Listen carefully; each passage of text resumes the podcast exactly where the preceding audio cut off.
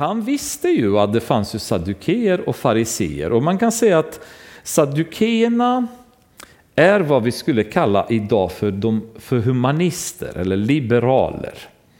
Eh, de som, eh, som har en slags form av tro, men en tro på någonting som de själva föreställer sig att vara. Det vill säga att de skapar en egen bild av vad de vill tro på. Och så tror de på detta. Medan fariseerna är vad vi skulle kalla idag mer konservativa. Det vill säga de som försöker att hålla sig till bokstaven i sin tro. Vad står det? Det är det vi tror på. Och eh, när det gäller deras mottaglighet för evangeliet så var fariseerna mycket mer öppna för evangeliet. Och i Apostlagärningarna så finns det tillfällen då det, visas, det skrivs att fariseer hade kommit till tro. Jesus själv hade haft ett väldigt djupt samtal bland annat med en farisee som heter Nikodemus i eh, Johannes evangeliet som var väldigt intresserad och ville prata med Jesus om tron. Så de, eh, de mer konservativa, även på den tiden, de var mer öppnade. De, de var mer intresserade av att diskutera tron och hade mer öppenhet för tron. Medan saddukier har vi inte ett enda exempel om i eh, Nya Testamentet, alltså evangelierna eller apostlagärningarna, att någon sadduké har kommit till tro. Och tittar vi idag i samhället på hur tron diskuteras och behandlas så är det fortfarande på samma sätt. De som är eh, humanister, eh, extremliberaler, de är väldigt icke mottagliga till kristna tron. Eh, inte bara det, utan de ser det som deras syfte att motarbeta kristna tron med allt de bara kan. I Sverige kan man säga en av de absolut mest aggressiva ateistgruppen i Sverige heter till och med Humanisterna. Och de, de försöker att ha diskussioner och, och frågetillfälle för att kunna fälla så många kristna som möjligt och möta pastorer i diskussioner och så vidare.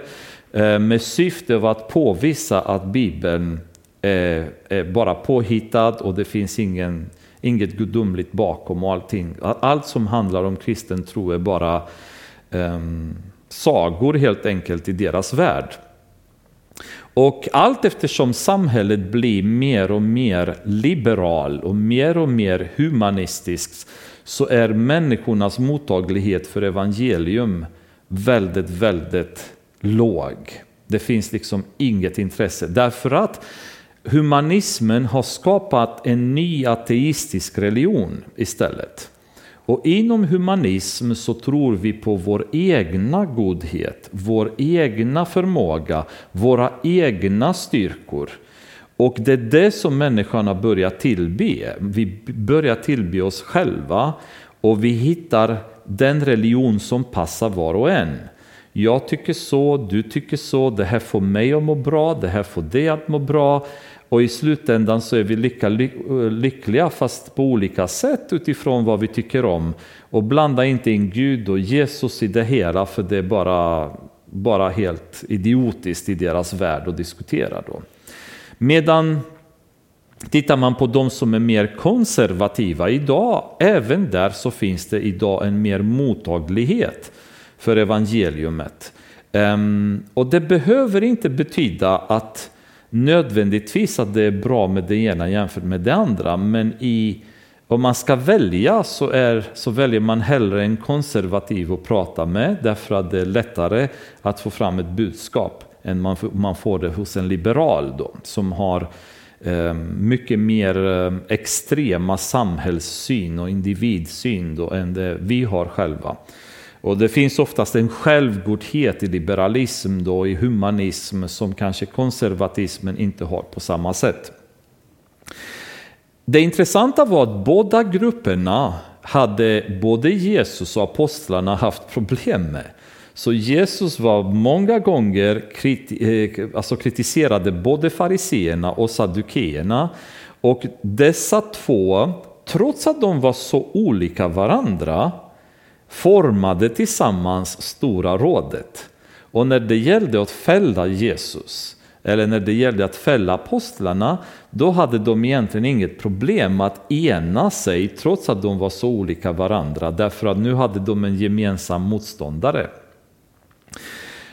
Och det är egentligen även idag lite grann på det sättet att när, när kristna blir aktiva i ett sammanhang, när en människa eh, med, med ett hjärta ordentligt berört av Gud vill ut och börja göra förändringar i samhället eller i olika sammanhang, så enas samhället att motarbeta dessa kristna människor, även om det finns olika färger i samhället, olika partier, olika riktningar. Men när det gäller att motarbeta evangeliet, det är då de inte har några som helst problem att enas och samarbeta med varandra, för nu är det något som är mycket allvarligare som de vill ge sig på.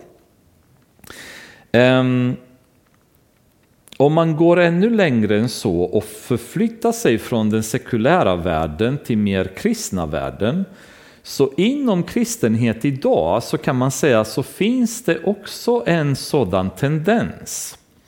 Det vill säga man har församlingar, eller man har så kallade fallna kyrkor eller apostatförsamlingar, alltså församlingar som börjar glida ifrån tron. Eh, kyrkor som börjar bli vilolärodrivna eller drivna utav människor som har intagit Jesu plats. Där pastorn eller ledningen har blivit någon slags gudar i församlingen som dikterar allt och församlingen bara följer efter. Det finns framförallt i USA väldigt populärt så kallade shepherding movement, det vill säga Församlingen har ingen makt utan pastorn är allt och alla nästan tillber pastor och, och så vidare. Som, och I de här kretsarna så kan det finnas olika riktningar, mer karismatiska, lite mer konservativa, Ehm, en del är mer bibelliberala, det vill säga att de pratar om vad de tycker om från Bibeln och ignorerar massa annat. Andra finns det sådana som kanske ser annorlunda på Bibeln. Men det gemensamma är att de håller varandra om ryggen. Och de är tillsammans i någon slags ohelig ekumenism då, som ändå gör att de bekämpar det rätta. Och det är ju väldigt perverst som inträffar där kyrkor har börjat samarbeta med varandra i en negativ ekumenism, det vill säga i saker som är syndiga eller i beteendet som är ogudaktiga och obibliska. Och trots att de har olika riktningar så är de ändå i samarbete med varandra. Och det är ju ett, en fara även för oss kristna och därför är jag väldigt, väldigt försiktig när det gäller ekumenism. För väldigt många kristna så är ekumenismen någonting som vi ska absolut söka att uppnå. Medan för mig är ekumenismen ingenting som, eftersträvar, som jag eftersträvar, utan det jag eftersträvar det är att Pingsförsamlingen Stöpen är en församling som lever enligt Guds ord. Och när Pingstförsamlingen Skövde och baptistförsamlingen, inte vet jag, Jönköping och Missionskyrkan i Trollhättan gör samma sak när de också kommer leva och söka sig efter Guds ord, då blir det en automatisk ekumenism. Då hittar vi varandra direkt därför att vi ser att ja, men Gud, Gud talar till oss på samma sätt. Vi förstår honom på samma sätt. Kan det vara så att våra församlingar ser annorlunda ut? Vi kanske klär oss lite annorlunda. Vi har en annan typ av musik i kyrkan, lovsång, gudstjänstformat. Men vår tro är densamma. Vi kompromissar inte kring vår tro och det blir en god och naturlig ekumenism som man uppnår. Men den ekumenism som söks väldigt mycket idag, det är en ekumenism kring icke-bibliska begrepp. Och där saddukeer och fariseer kommer i grupp med varandra för att kunna motverka de apostlar som kommer för att motverka Jesus. Och Paulus vet detta, så han tar fram den här ehm, ehm, um, um, uppen, alltså den um, uppståndelse, poängen då, eftersom han visste att om han kommer ta upp uppståndelse, då blir det slagsmål mellan de här två grupperna. Vilket är ju precis exakt det som händer. De börjar bråka och tjoar och glömmer bort varför han ens är där. Och romarna ser nu igen att vi måste rycka in. Det, det är uppståndelse igen. Och de kommer in och räddar Paulus från detta stök och tar bort honom därifrån.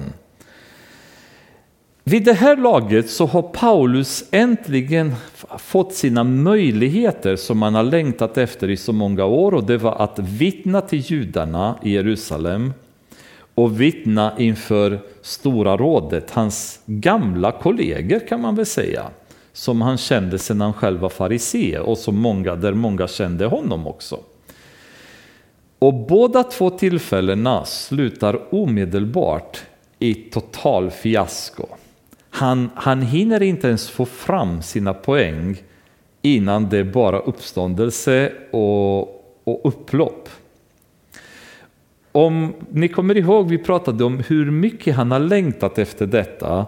Men samtidigt hur Jesus sa till honom första gången han var i Jerusalem, gå härifrån för de kommer inte ta emot ditt budskap. Och han ifrågasatte Jesus och sa, men Herre, jag som har varit en av dem och så vidare, de borde fatta. Och Jesus bara säger till honom, gå, gå härifrån. Och nu får han möjlighet att komma tillbaka och prata med dem och det slutar precis så som Jesus hade sagt till honom att det skulle sluta. De är inte intresserade av att höra honom. I det här läget dessutom är Paulus helt ensam. Ni kommer ihåg, vi pratade om hur ingen ställde upp eh, för att rädda honom när de började misshandla honom in på tempelgården. Nu stod han alldeles ensam inför Stora rådet och försökte förklara sig. Han får stryk inför alla andra inför Stora rådet och han får inte ens fram några ord direkt för att kunna börja prata om sin tro eller, eller förklara skrifterna för dem för att de ska förstå Jesus innan det blir upplopp.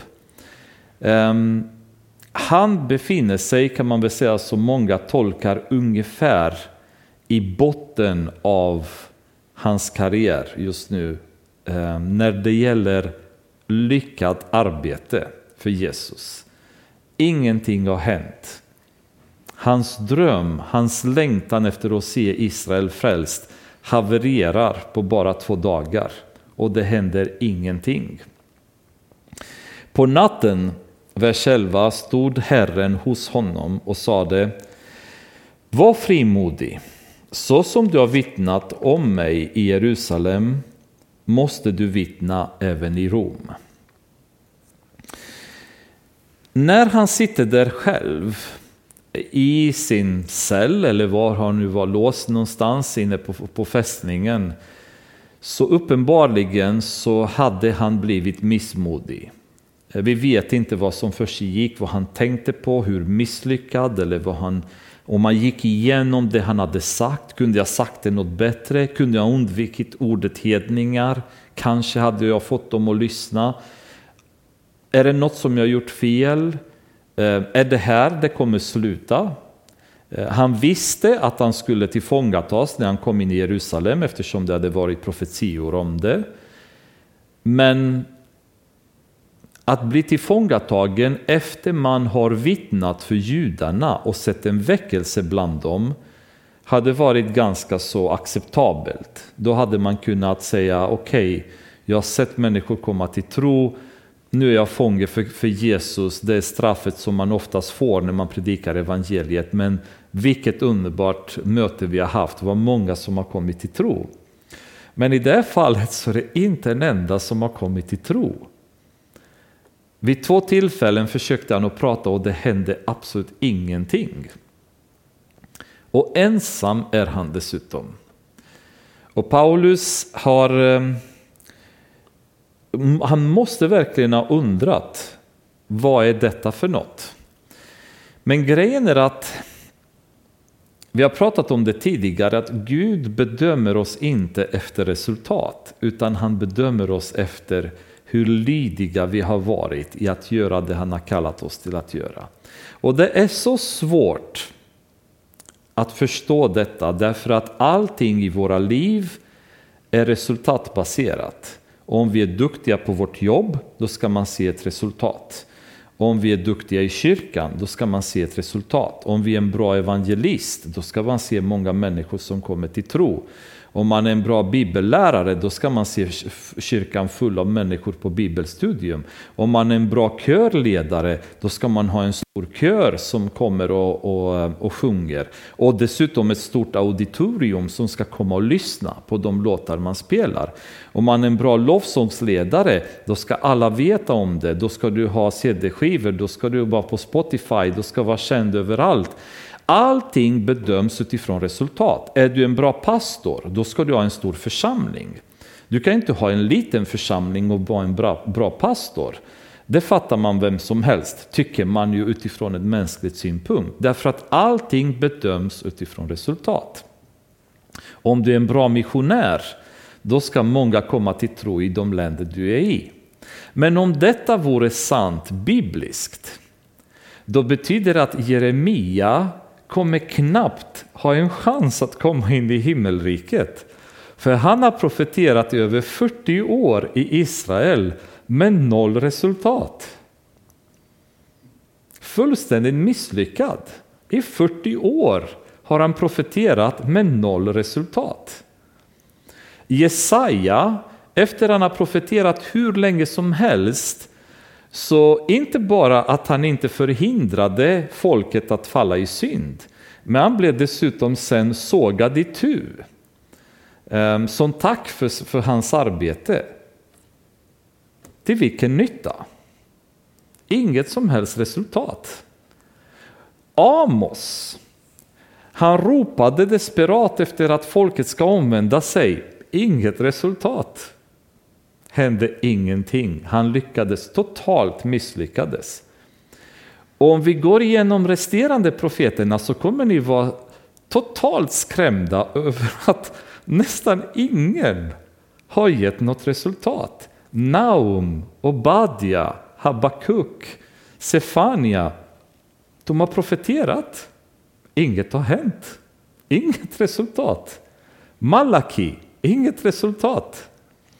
Så uppenbarligen de här människorna utifrån ett mänskligt synpunkt har misslyckats totalt. De var ganska värdelösa. Men det är inte det som Gud bedömer oss efter, utan han bedömer oss efter hur trogna vi har varit att göra det han har kallat oss till att göra. Och Gud, för säkerhets skull, för att Jeremia ska förstå detta, sa till och med i början när han kallade honom att jag kallar dig och bara så du vet de kommer inte lyssna. Så, så bli inte besviken om du i 40 år kommer få stryk och du kommer bli hånad och du kommer bli hotad. För de kommer inte lyssna. Men jag har kallat dig ändå att predika för dem i 40 år. Hur många pastorer idag skulle vara beredda att vara pastor i en församling med två, tre medlemmar i 40 år och vara lika nöjda efter 40 år att du har tre medlemmar kvar i församlingen. Eller hur många missionärer idag skulle gå på missionsfältet i 40 år och inte få någon människa att komma till tro och ändå vara kvar där och missionera. Det är fruktansvärt svårt därför att vi är så resultatberoende och vi har väldigt svårt att att veta eller att vara säkra på att vi gör rätt det vi gör om vi inte ser resultat. Det är resultatet som ger oss förtroende. Vi, vi känner mer och mer att oh, det här är bra. liksom. Eh, det är flera människor som kommer till kyrkan, det är flera som kommer och lyssnar på kören, det är flera som, som gillar lovsången. De, eh, de kallar mig till och med till andra församlingar och predika. Oh, då måste jag vara ganska bra, då är jag på rätt väg. Eller som en evangelist som eh, vill se människor komma till tro och idag kommer 10, imorgon kommer 20, övermorgon kommer 500. Då, då är man på rätt väg, då blir man så att säga uppiggad av resultatet. Men Paulus sitter nu i fängelset missmodig och misslyckad över de här försöken och känner bara förmodligen vad är det som har hänt? Vad, vad är detta? Allt han hade drömt om havererade med två försök och inget resultat. Och i den här stunden så är han dessutom ensam. Och den här ensamheten tär på väldigt många kristna. Ensamheten i Guds, på Guds fält är väldigt, väldigt tufft. Eh, det är väldigt många ledare som genom åren har havererat på grund av detta. Man känner sig ensam, man ser inget resultat. Och det tyvärr som händer det är att det är väldigt många då som tar till mänskliga metoder för att kunna få resultat. Man orkar inte mala vidare i medvetande om att jag gör rätt, om att Gud är med mig, utan man tänker vi kanske behöver förändra saker. Om vi tar mer av världen i kyrkan, då kanske kommer mer människor till mötena. Om vi kan ändra saker så som vi har gjort, om vi kan göra mer underhållning, om folk ska tycka det är lite roligare att komma till kyrkan. Om vi kan spela film ibland istället för att ha ett möte. Eller om, om vi ändrar sättet som vi beter oss på och sen går ifrån det bibliska till mer modernt, världsligt, då kanske fyller vi församlingarna. Och det kan vara så att man fyller församlingarna. Det blir till och med hela megakyrkokonceptet har startat väldigt mycket på det sättet. Att man får in mer underhållande faktor och det drar folk. Men följer man det som Gud har kallat en till? Eller jakten efter resultat har gjort att man börjat kompromissa och man går med världsliga metoder och man hittar på saker som inte Gud är med i. Och i gengäld, det som händer när man gör det, när man går i egen kraft, det är att väldigt många bränner ut sig. De går rakt in i väggen. Därför att i vår egen kraft så kan vi inte kämpa en andlig kamp. Och när vi började, börjar gå i egen kraft så kommer vi till den punkten där Jesus säger utan mig är ni ingenting. Vi är ingenting utan honom och vi uppnår ingenting utan honom. Om ni har följt lite grann de senaste åren den här megakyrkosyndromet som har varit i världen. Har ni lagt märke till att väldigt många utav de här ledarna för de megaförsamlingarna som har varit i världen har fallit? i otrohet, i skandaler, i dryckenskap, i korruption, stulit pengar etc. Vi kan dra en hel lista med vad som har hänt då, i väldigt många stora rörelser idag. Varför tror ni att detta har hänt? Jag tror en stor anledning till att det har hänt är att de har intagit den plats som Jesus skulle haft. Jesus skulle ha lett församlingarna. Han skulle ha bestämt hur församlingarna ska, ska växa, hur församlingarna ska fungera. Men de har tagit Jesus plats och de har upphöjt sig själva till den punkten där de har idéerna, de bestämmer, de gör arbetet och Jesus har skjutits undan. Och sådana människor behöver inte Jesus. Och han låter dem falla. Och de är inte de är inte bättre eller sämre i grunden än någon annan. Jag tror att väldigt många andra kyrkoledare har blivit frestade så som de har blivit.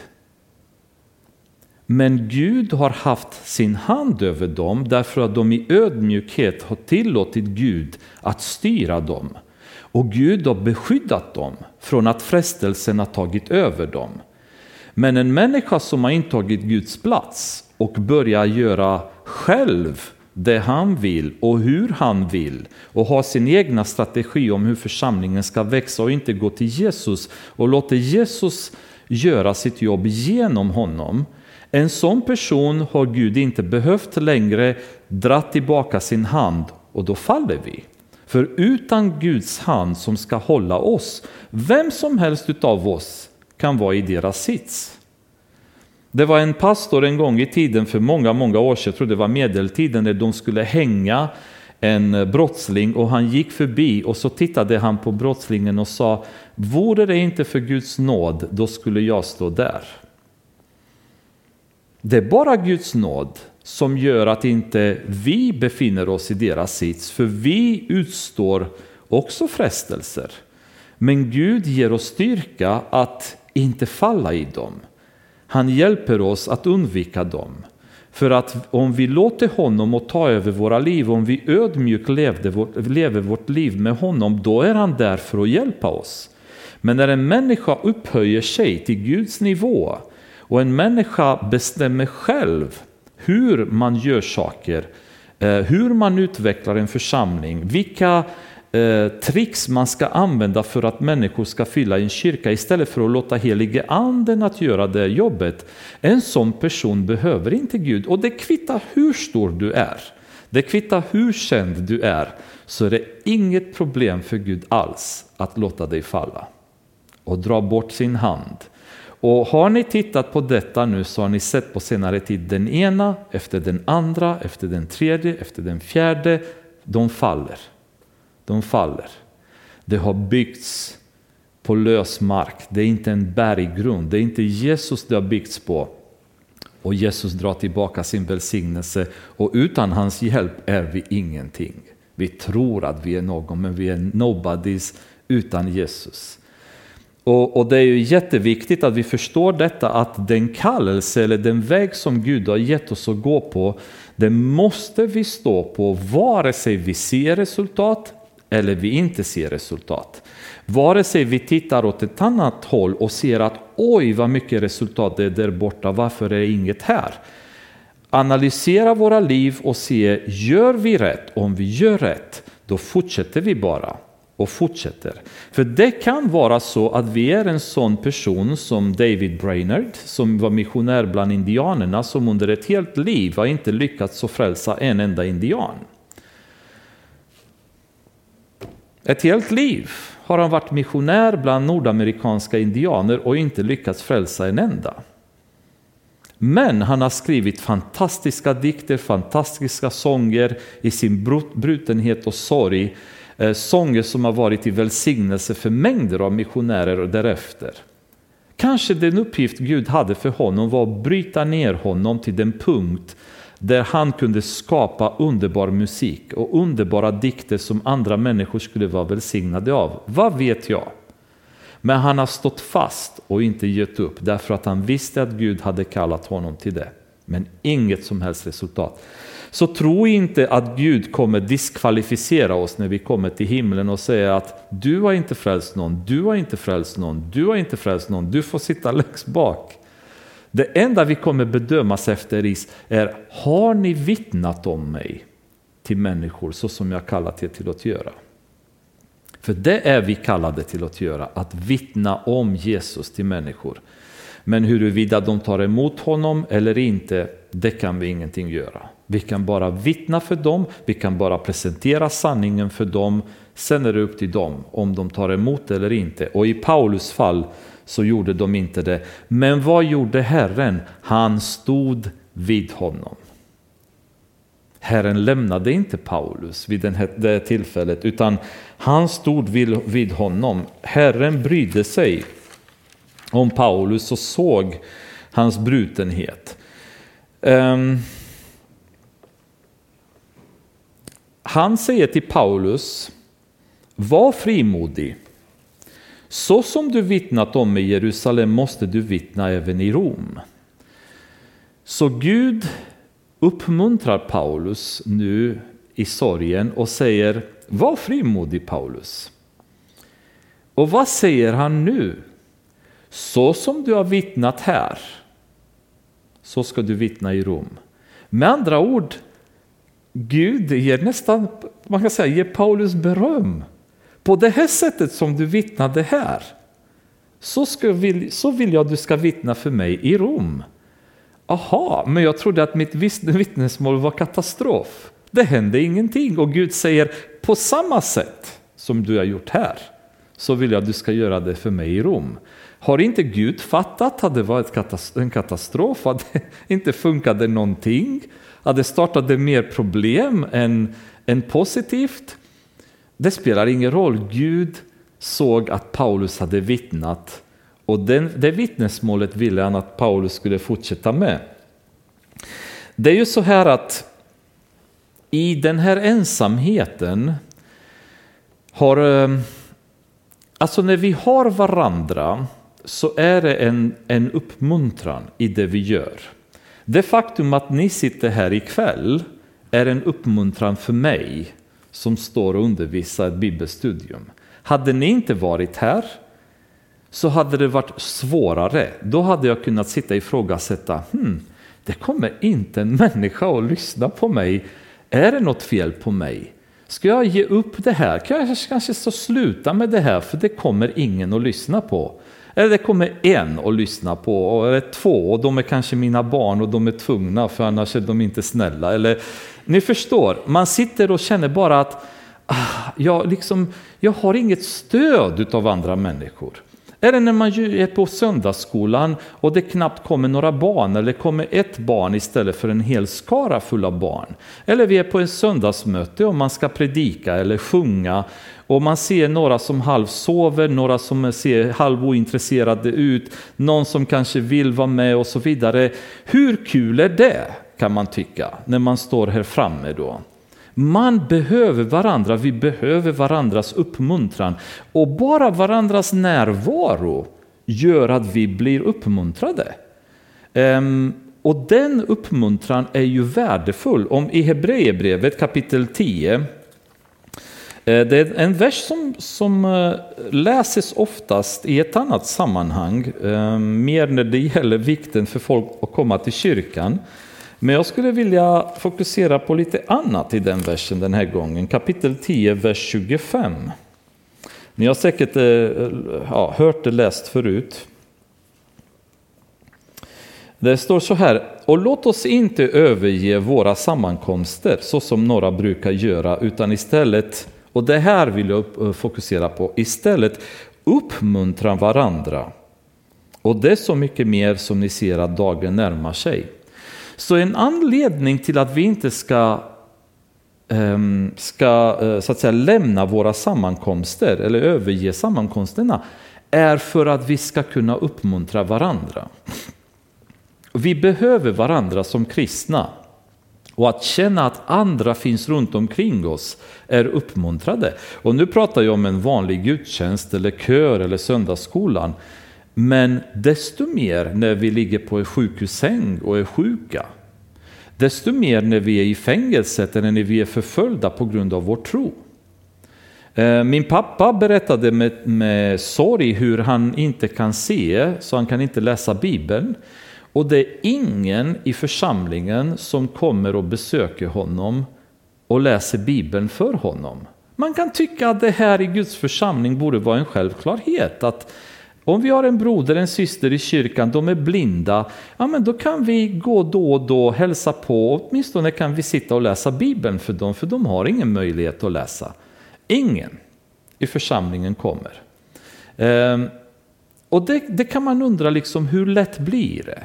Man känner sig plötsligt ensam, man känner sig sårbar. Det finns ingen runt omkring mig, det finns ingen som ställer upp. Paulus beskrev, beskrev just den situationen i andra Timoteusbrevet kapitel 4.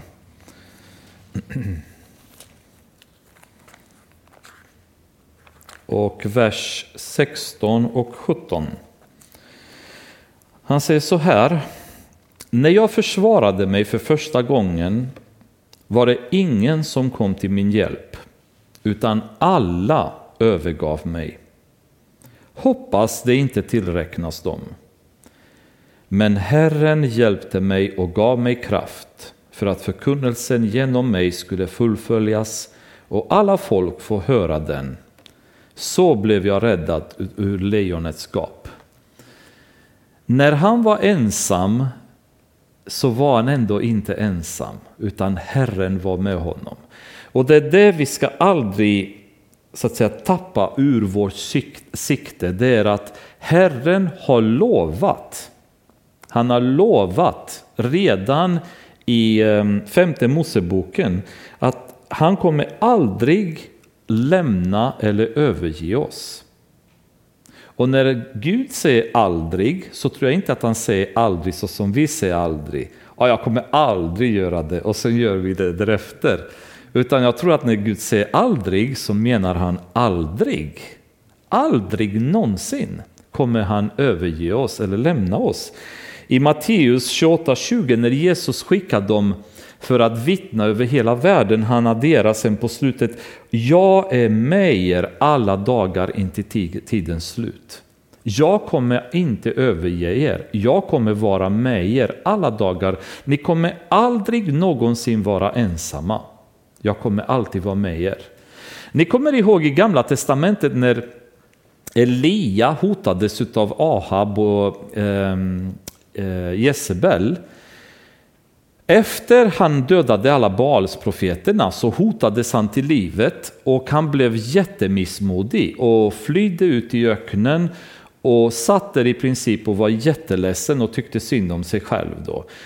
Och i den här ensamheten och övergivenheten som han upplevde så kom Gud till honom i en stilla ström och talade om för honom ord av uppmuntran. Han sa eh, Elia, jag har 700 andra här i Israel som är lojala, som inte har böjt, böjt sig inför Baal. Det visste inte Elia, han, han trodde att han var ensam. Han trodde att alla är emot mig, men det fanns 700 stycken till som fanns i landet som han inte kände och Herren kommer och uppmuntrar honom mitt i detta. Eh, tittar vi på Daniel, han, eh, han vägrar tillbe statyn som Nebukadnessar hade byggt och kastas in i lejongropen själv. Man kan tycka att, eller för, eh, förlåt, inte Nebukadnessar utan Darius hade byggt. Man kan tycka att eh, de tre ungdomarna som kastades i brinnande ugnen, att de var i alla fall alla tre tillsammans. De, de kunde hålla varandras hand, de hade i alla fall lite sällskap. I Daniels fall så kastas han själv in i lejongropen. Men vad händer då? Det är att en ängel kommer och är med honom där. Han behöver inte vara själv. Inga andra människor fanns runt omkring honom. Men ängeln stod själv bredvid honom. Och ungdomarna, de tre som kastades i brinnande ugnen, till och med svarade Nebukadnessar och sa hej, även om, eh, om Gud inte skulle rädda oss, även om han kommer rädda oss, så kommer vi ändå inte böja oss för dig. Då. Så det fanns en säkerhet av att vi gör rätt. Herren är med oss i detta. Återigen, ni kommer ihåg Jeremia och hur Gud har stått bredvid honom när han befann sig i botten när han tyckte att det, han orkade inte mer, han vill inte prata mer och Gud bara talar till honom och säger kom igen nu Jeremia. Du kan lite till och Gud ger honom styrka och lyfter honom ur detta. Så det fanns ju hela tiden i människornas liv det här tillfället då Gud i en tid av nöd, i en tid av osäkerhet, i en tid av ensamhet kommer och ingriper. När Josua stod inför Eh, murarna i Jeriko och se den här staden som var bebodd av jättar med stora murar och omöjligt med mänskliga mått mätt att intas. Och står ensam mitt i natten och tittar på detta så kommer Herrens ängel som talar om för Jeremia att imorgon ska det ske, bara, bara följ det som Herren säger så ska det bli bra. Och det, det är ibland så här att när vi läser sådana bitar så känner jag bara att vilken underbar Gud vi har. Men varför får inte jag uppleva honom på det sättet? Det är härligt att läsa i Bibeln när människor, stora Guds män, har upplevt honom på det sättet. Han har talat till dem, han har varit i en tid av nöd bredvid dem. Varför är han inte så mot oss? Har vi befunnit oss i deras sits? Har vi hamnat i ett sånt här överkritiskt läge där vi är ensamma, där vi är övergivna, där vi befinner oss i stor fara. För om vi inte har gjort det så är det inte säkert att Herren kommer ingripa på det här sättet. Han kanske gör det på ett annat sätt. Men jag tror bestämt att när vi, för, när vi för Guds evangelium kommer hamna i en svår tid av förföljelse så kommer han stå vid oss som han har gjort vid Paulus, vid Daniel, vid alla andra. För där, det han har lovat gäller även mig och det gäller även er. Han kommer aldrig lämna oss och han kommer aldrig överge oss. Vi kanske känner att han gör det, men han gör aldrig det. Och det för mig har varit tröst eh, genom mitt kristna liv då jag um, lever inte så mycket min relation med Gud baserat på känslor, även om känslorna är viktiga. Jag gillar att känna värme i kroppen, jag gillar att känna glädje när, när man känner ah, liksom Gud är så nära som man kan greppa honom. Det är underbart. Men de tiderna finns inte varje dag och det som driver mig fram i tron det är ju intellektet och det är förmågan att acceptera att det Bibeln säger stämmer. Och om Gud säger att han inte ska lämna mig, då låter jag det sitta fast i min hjärna och jag släpper inte den och jag tror att han inte kommer att lämna mig och med detta så kan jag fortsätta att gå vidare. Och i tider när man har blivit attackerad för sin tro, för den ställning man tar, för det man är, vad man står för. Det enda som jag behövt försäkra mig är att står jag i Guds vilja? Det jag säger, det jag gör, är det enligt Guds ord? Är det enligt hans vilja? Om svaret på den frågan är ett en ärlig ja, och då menar jag en ärlig och helst ödmjuk ja, så vi inte blandar in vårt eget högmod i detta. För man, man blir lätt, så att säga, om en människa kritiserar en så blir man högmodig och vill slå tillbaka. Utan ett, en ärlig ja, då ska man inte backa. Då ska man stå fast oavsett vad folk säger, tror eller kommer göra mot er.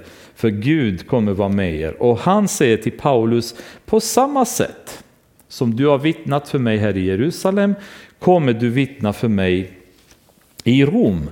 Vilket också ger Paulus förtroende. För om Gud säger till Paulus, du ska vittna för mig i Rom, det betyder att jag kommer inte vara kvar här i fängelset.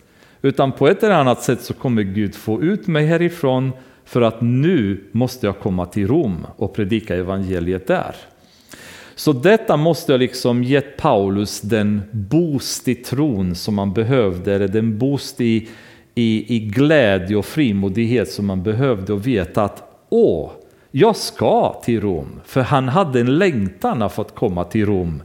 Eh, och, och, plötsligt så, så säger Herren till honom, du ska till Rom. Så i, i den här stunden av ensamhet och kanske halvmisslyckande så ger Herren Paulus uppmuntran, han ger honom beröm för att han har vittnat och han ger honom förtröstan eller ett förtroende i att det här är inte slutet. Du kommer behöva vittna för mig sen i Rom.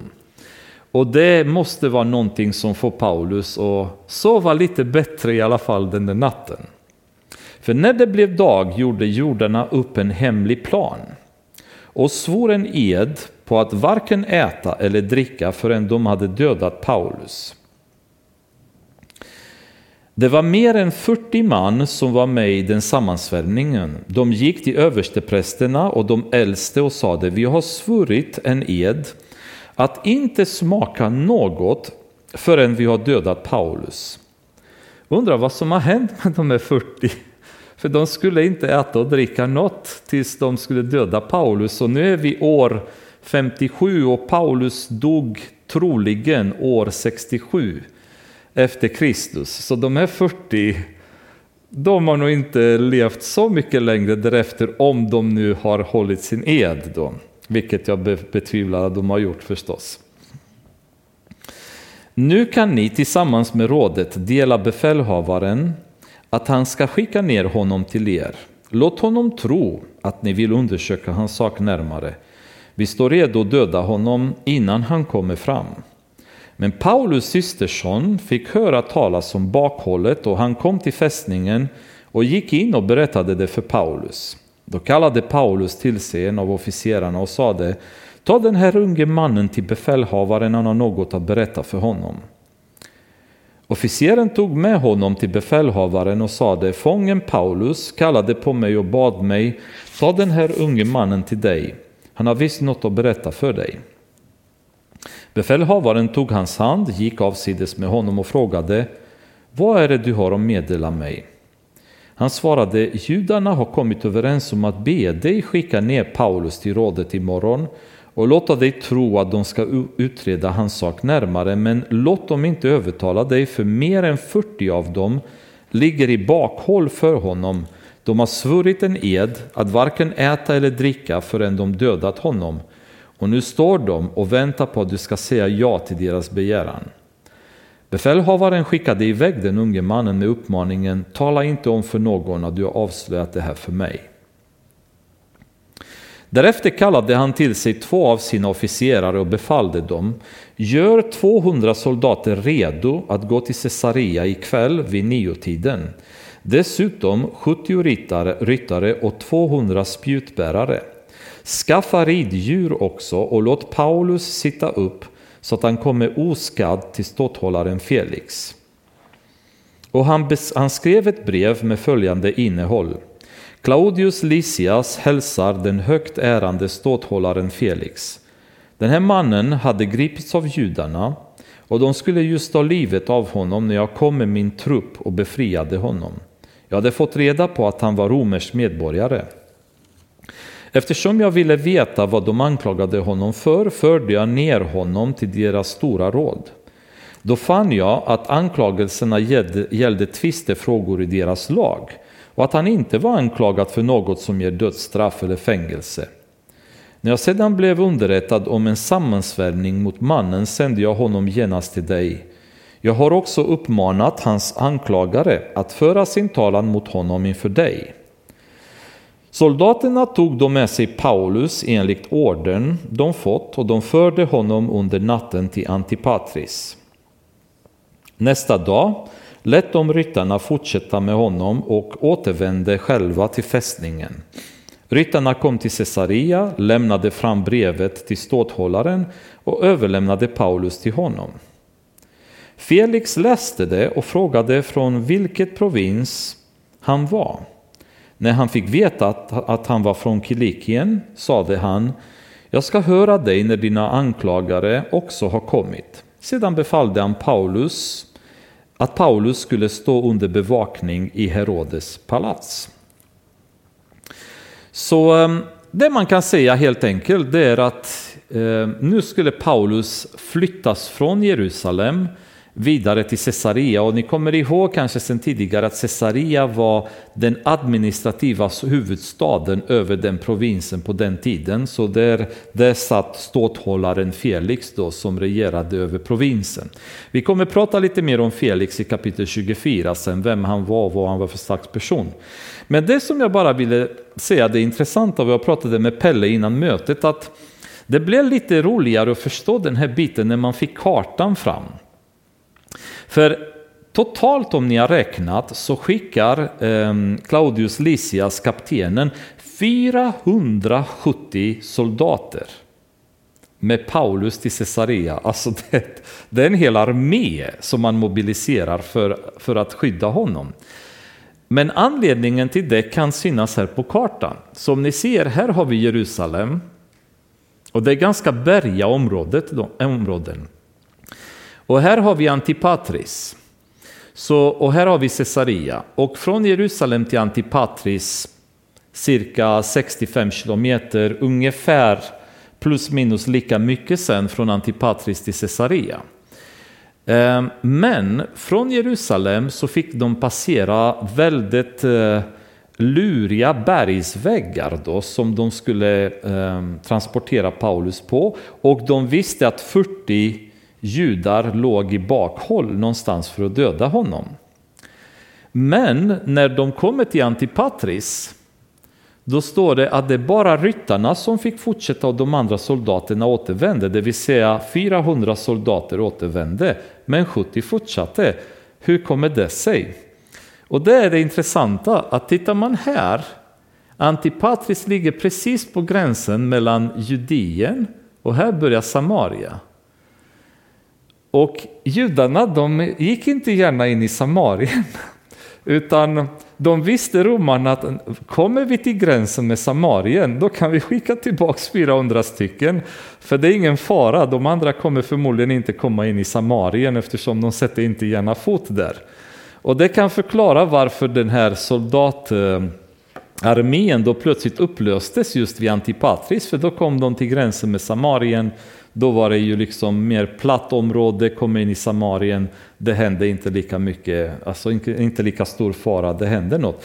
Men det är ganska intressant att se hur allvarligt eh, Claudius Litias kom, ehm, såg på det faktum att Paulus var en romersk medborgare och hur han skulle skyddas eh, mot de här eh, snubbarna som ville döda honom. Så han tog det på riktigt allvar. Men um, det är inte så mycket mer att utveckla kring de här bitarna. Det här är bara en, en berättelse av resan till Antipatris och Caesarea och sen kommer vi nästa gång prata lite mer om vad, vad som händer inför Felix.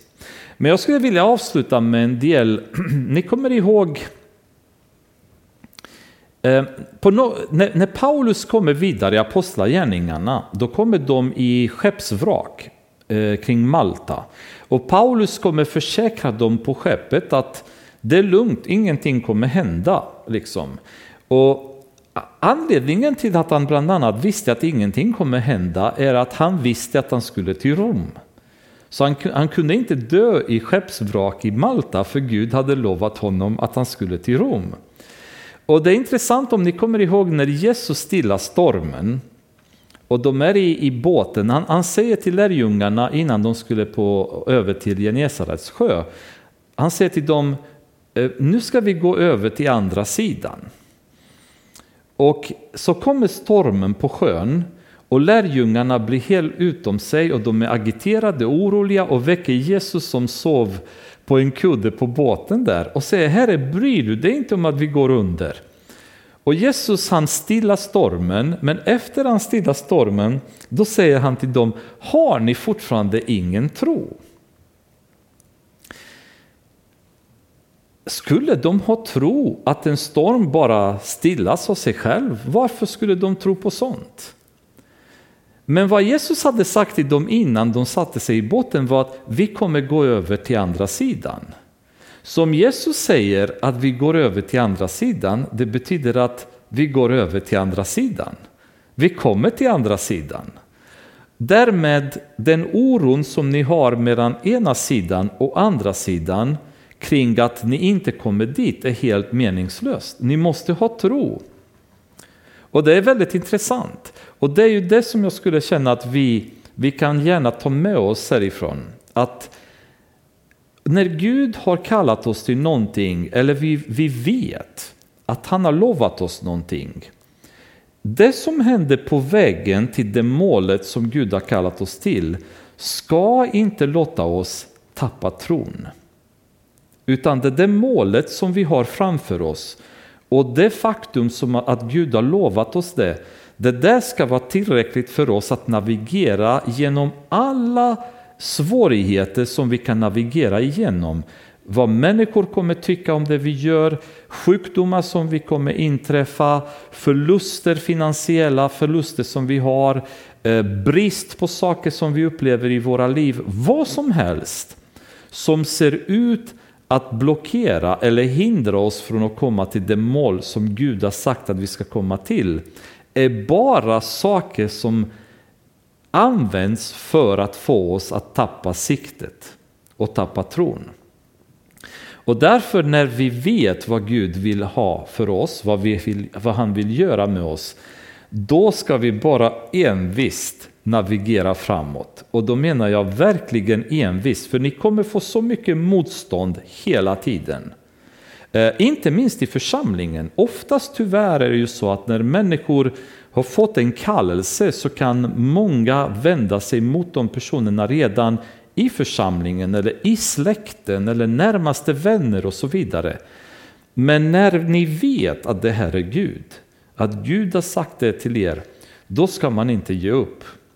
Oavsett vad som känns att det skulle vara kanske smartare, rimligare, jag kanske har missuppfattat, Ehm, nu kan inte jag gå vidare, nu känns det jobbigt, nu känns det trist, jag ser inget resultat. Vad som helst, låt det vara och bara lev i tron att har Gud sagt att du kommer till Rom, har Jesus sagt att vi ska till andra sidan, då ska vi till andra sidan. Då ska vi till Rom fast det är ett skeppsvrak, ett skeppsvrak som vi kommer möta eh, vid Malta där. Och det är ju det spännande som händer just i den här stunden. En liten kort, kort vers i Paulus liv där Gud dock står vid Paulus när han var i nöd och säger var frimodig Paulus, jag har så mycket mer som du behöver göra. Och kallelsen som Gud hade gett till Paulus var du ska ta evangeliet till hedningarna. Och nu kommer Gud leda honom till hedningarnas huvudstad. Och det roliga är att han leder honom dit på bekostnad av romarriket. Han kommer ridande ur Jerusalem. Claudius Lysias säger fixa ett djur för den här mannen att rida på. Så han rider bekvämt från Jerusalem in till Caesarea och på romarnas bekostnad så kommer han på sin fjärde missionsresa till Rom. Allt bekostad utav romarriket. Det är inte så fantastiskt hur Gud tänker. Han tar Paulus på en missionsresa på ett annat sätt han hade tänkt sig. Men till Rom kommer han och evangeliet kommer han predika även till kejsaren. Fader, vi tackar dig för att du är så underbar. Du har alltid ett sätt att jobba i våra liv som går emot det vi har föreställt oss eller som vi, vi önskar ibland. Och det skiljer sig så mycket från vårt mänskliga sätt att göra saker och tänka igenom saker. Jag ber Herre för var och en som sitter här ikväll. Är när tiden är inne, Herre, så ska du uppenbara tydligt för dem vad du vill göra i deras liv. För du vill inte att någon ska bara slösa bort livet, Herre. Att någon ska bara ägna livet åt jordiska saker som inte består i evighetsperspektiv, Herre. Du har säkert en plan för var och en av dem, Herre. Jag ber att du ska uppenbara den planen när tiden är inne. Och när du har gjort det, Herre, åh Herre, jag bara ber för var och en att du ska verkligen, verkligen hjälpa dem att envist pressa mot det, Herre. Inte titta åt höger, inte titta åt väster, inte titta bakåt, Herre, utan bara mala fram oavsett vilka hinder som Satan kommer kasta i deras väg. Jag ber dig för mig också, Herre, att du ska fortsätta att belysa tydligt i mitt liv din vilja. Även om det kommer bara steg för steg, Herre, låt mig bara gå ett steg i taget så som du vill att jag ska gå, Herre.